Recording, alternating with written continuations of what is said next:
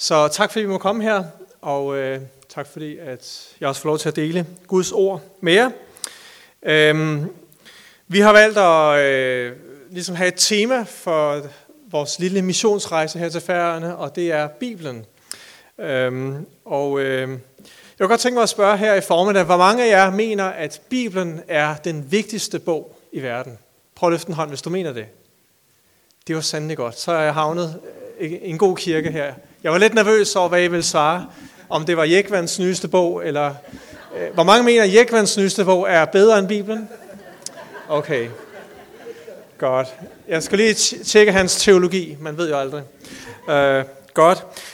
Øhm, og det er jo egentlig fascinerende øh, med Bibelen. Den er skrevet til så mange sprog. Den er, har været trykt igennem flere hundrede år. Var den første bog, der blev trykt Det er en hellig bog, som samler alle kristne, fra katolikker til protestanter og i alle mulige kirkelige sammenhæng, der er man enige om, dette er Guds inspirerede ord.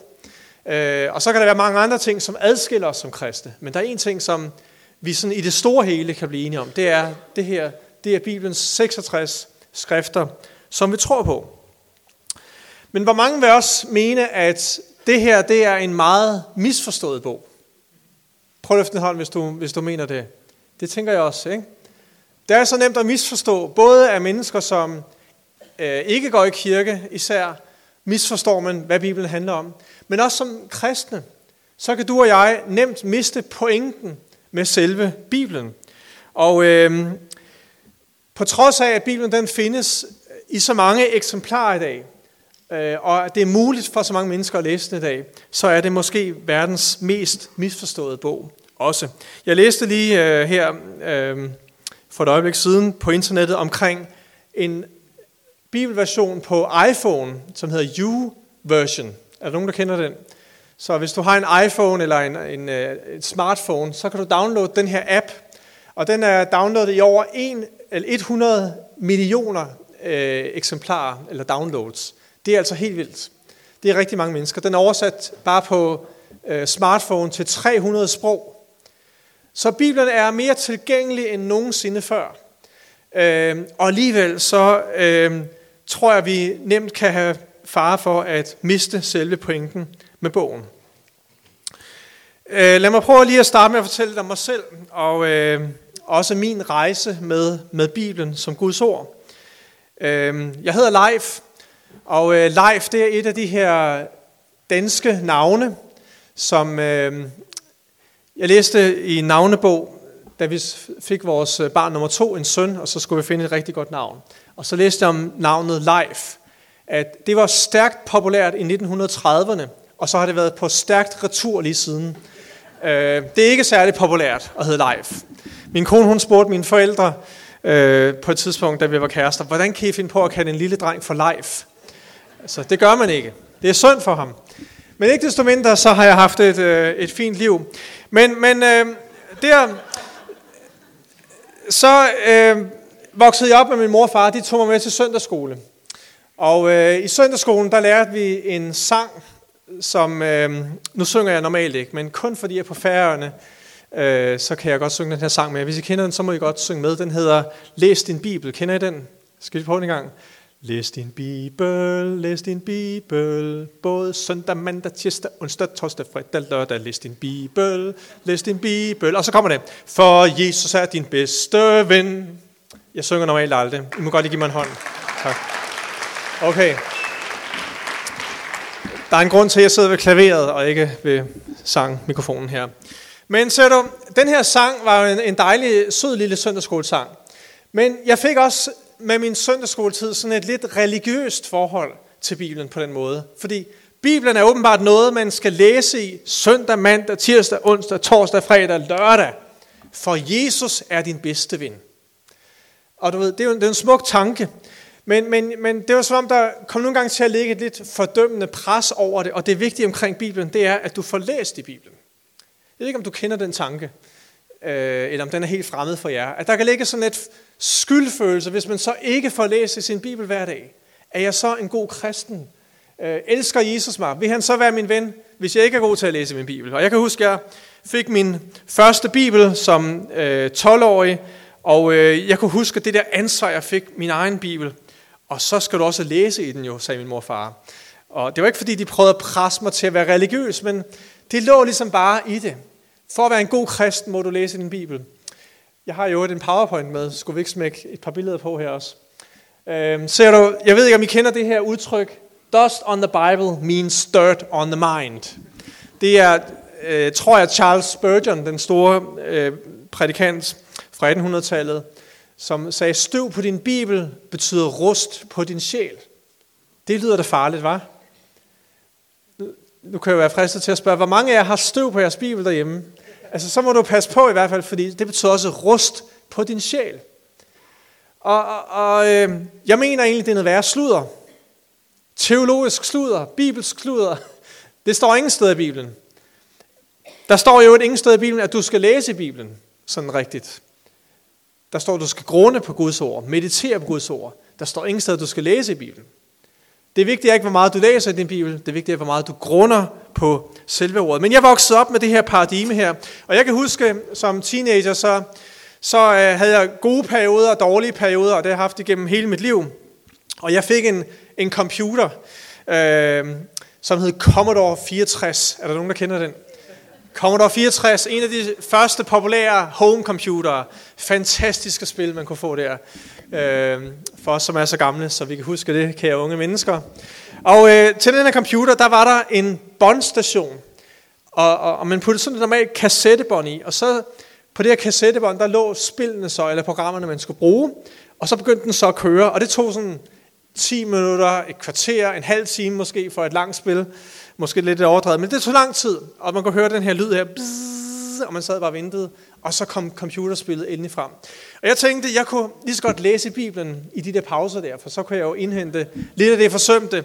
Så jeg satte bånd i, og så læste, og så spillede jeg et par timer, og så nyt spil i, og så læste Bibelen igen. Og jeg prøvede at gøre mit bedste. Og det er ligesom om, igennem mit øh, kristenliv, så, øh, så følte jeg mig som en god kristen, når jeg havde en god periode, hvor jeg kunne læse min bibel mandag, tirsdag, onsdag, torsdag, fredag, lørdag, søndag. Og jeg følte mig som en dårlig kristen, når jeg havde svært med at læse min bibel. Altså, kender I det her, eller er det bare mig, der har prøvet det? Er jeg på en fremmed planet her? Okay. Jeg tænkte nok, at I også kendte det til det, ikke? Og, og det er det, som jeg vil kalde for bibelreligiøsitet. Bibelreligiøsitet. Vi må ud med religiøsiteten. Fordi at Bibelen er ikke en religiøs bog. Bibelen handler om noget helt andet end religion. Religiøsitet, det har noget at gøre med tomme handlinger. Det har noget at gøre med traditioner uden mening. Det er, når vi gør ting, bare fordi vi føler, at vi burde gøre det. Og jeg er bange for, at alt for mange kristne, stadigvæk i den her verden her, de går rundt og føler sig som dårlige kristne, fordi de måler sig selv på religiøse handlinger. Øh, hvor meget læser jeg Bibelen? Hvor meget får jeg bedt? Det kunne være interessant at spørge her, hvor mange her har et rigtig godt bønneliv? Du ved, men det skal vi gøre, det er for personligt, ikke? Men, men jeg kan, ved i hvert fald igennem mit liv, så, så, øh, øh, så tog det mig noget tid at komme ud af den her religiøsitet. Jeg er kommet ud af den i dag. Jeg skal prøve at, at åbne lidt mere op for det. Men vi skal passe på, at vi ikke måler vores forhold til Gud ud fra hvor meget jeg beder, eller hvor lidt jeg beder, og tro, at Gud han elsker mig mere eller mindre, afhængig af dit bønneliv, eller afhængig af din bibellæsning. Øhm, vi skal også passe på, at vi ikke går i kirke af pligt. Jeg mener faktisk, at du skal gøre det hver søndag, uanset hvad. Men du skal ikke gøre det af pligt. Du skal gå i kirke for noget helt andet. Ikke af religiøse årsager, men fordi, at vi skal møde Jesus. Vi skal passe på, når vi har en tjeneste i kirken, eller andre steder for Jesus, at vi ikke bare gør det af pligt, og det ikke bliver sådan en tom religiøs handling, men at vi øh, fanger den første glæde og begejstring, som vi havde sammen med Jesus. Kan du huske den? Nu er jeg jo sådan lidt ordentlig. Jeg ved godt, at mange af jer tror, at jeg er kun 23 år gammel. Men øh, jeg er 43 år gammel. Og øh, jeg synes egentlig, jeg har fundet ud af, at, at jo ældre jeg bliver, jo nemmere bliver det at være en kristen, bare sådan ren og skær rutine. Jo nemmere bliver det også bare at læse Bibelen af ren og skær rutine. Øh, jo nemmere bliver det at gøre de rigtige ting som en kristen, men uden indhold nogle gange. Nogle gange så føler vi os udbrændte, og, og, og vi, vi, vi overgår ikke mere, fordi at, at det er os igen og igen og igen, som vi siger på dansk, det er tordenskjolds soldater, Det er de samme mennesker igen og igen, der sætter stole op, pakker lyd op og ned, der øh, laver kaffen, der øh, besøger dem, der har brug for et besøg, så videre Og man kan blive udbrændt i tjenesten. Det kan blive en pligt, det kan blive en tom religiøs handling, ligesom vores bibellæsning kan blive det. Og jeg kender alt det der. Men jeg har også fundet en vej ud af det. Ud af religiøsiteten. Og øh, det er det, som jeg har lyst til at dele med her i dag. Vi, vi må komme ud af religiøsiteten og så ind i et levende forhold med Jesus Kristus i alt, hvad vi gør. Vi skal prøve at læse en beretning fra Lukas evangeliet, kapitel 24. Jeg tænkte, det ville være en god idé at læse fra Bibelen i dag. Gør I det, når man prædiker her? I bruger Bibelen. Det var dansk humor.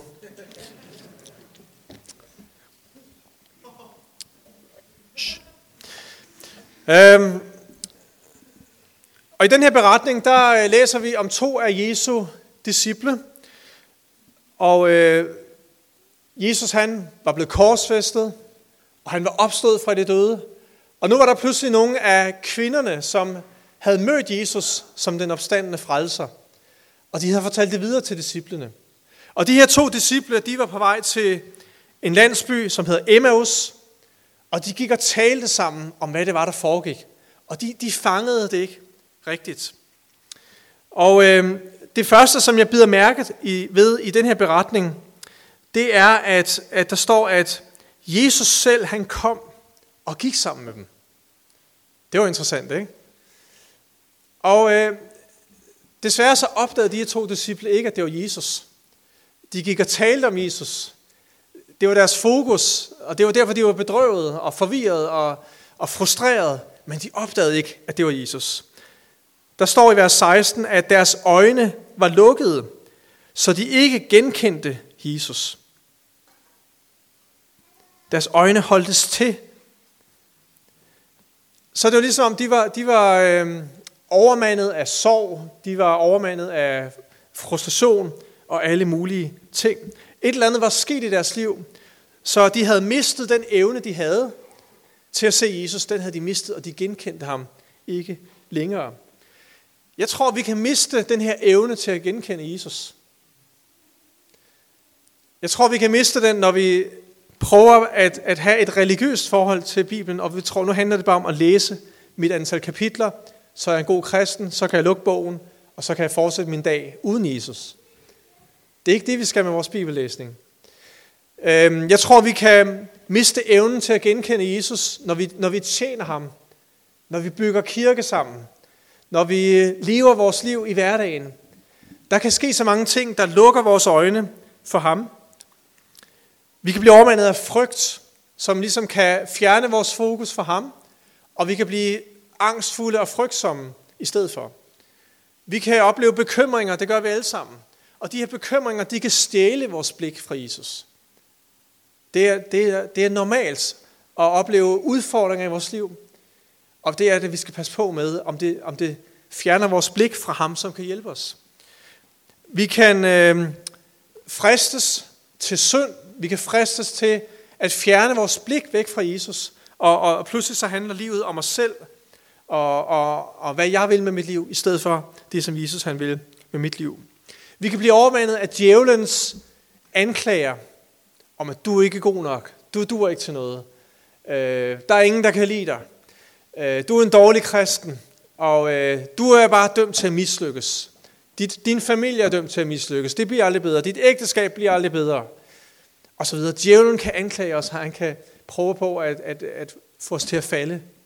Og vi kan miste vores syn fra Jesus. Kunne det ske her i Torshavn for dig?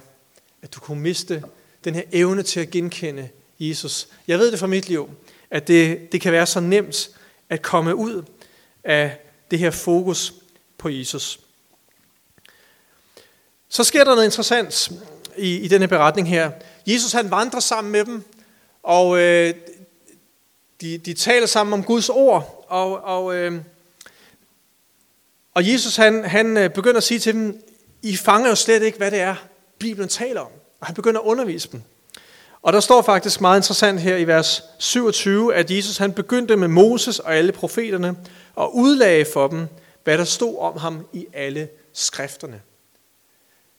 Jeg tænker, det måtte være en fantastisk bibelundervisning at høre Jesus selv udlægge skriften, bog for bog, om hvad der står om ham. Hvad er det centrale? Der vil jeg gerne have været. Jeg vil have betalt mange penge for at være med i den der bibeltime der. Øhm, stadigvæk, selvom at disciplene de oplevede den her fremragende bibelundervisning, så var deres øjne stadigvæk lukkede. De forstod det ikke fuldt ud, øh, selvom de fik den her gennemgang. Øhm, og, og jeg tænker, vi kan blive så religiøse nogle gange, at, at vi, vi hører ikke sådan, hvad det virkelig er, det drejer sig om. Vi, vi får måske masser af bibelundervisning, Vi kan, vi kan gå fra konference til konference. Vi kan have alle mulige fantastiske aktiviteter i vores kirker, og du kan gøre alle de rigtige ting i dit liv. Og så alligevel, så kan der mangle noget indeni. Det her tætte forhold til Jesus, som, er, som i første omgang var drivkraften i dit liv.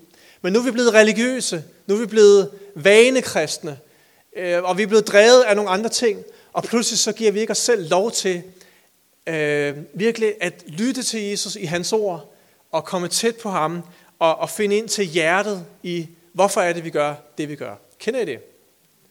Mange kristne ledere, mange kristne medarbejdere øh, har kæmpet med det her og prøvet det her. At man kan brænde ud i tjenesten. Mange præster og, og store åndelige mennesker har simpelthen opgivet tjenesten, fordi de brændte ud og kom væk fra det, som egentlig var det centrale og vigtige, der gjorde, at de gik ind i tjenesten. Vi skal alle sammen passe på. Hvad er det, der er det vigtigste for en kristen? Er det alle mine religiøse aktiviteter, eller hvad er det, der er det vigtige? Og spørgsmålet er, om vi virkelig forstår Bibelens budskab. Det er ikke nok, om du så har en eller 10 eller 20 bibler derhjemme, om du har alle den nye software til Bibelen, om du endda kan hele Bibelen udenad, eller om du læser Bibelen hele tiden. Det er ikke nok. Det er ikke det, der forvandler. Og det er først senere her at, i beretningen, at det virkelig går op for disciplene, hvem det er, de har fået besøg af. Disciplene, de inviterer Jesus med indenfor. Og øh, Jesus, han begynder at bryde brødet, som vi har gjort det her tidligere på på gudstjenesten. Og der, der går det pludselig op for disciplene, at, at det her, det er jo Jesus, vi er sammen om. Og pludselig, da, da de så det, deres øjne, de åbnede, står der. Og Jesus, han skærer det ud i pap med den her nadverhandling her.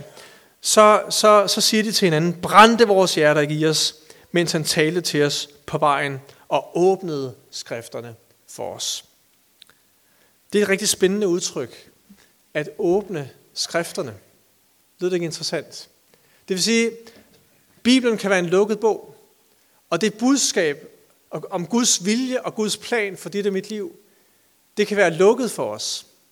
Vi har brug for, at for vores øjne åbnes, åbnes af Jesus. Vi har brug for, at han rører ved os, så vi forstår, hvad det er, han siger.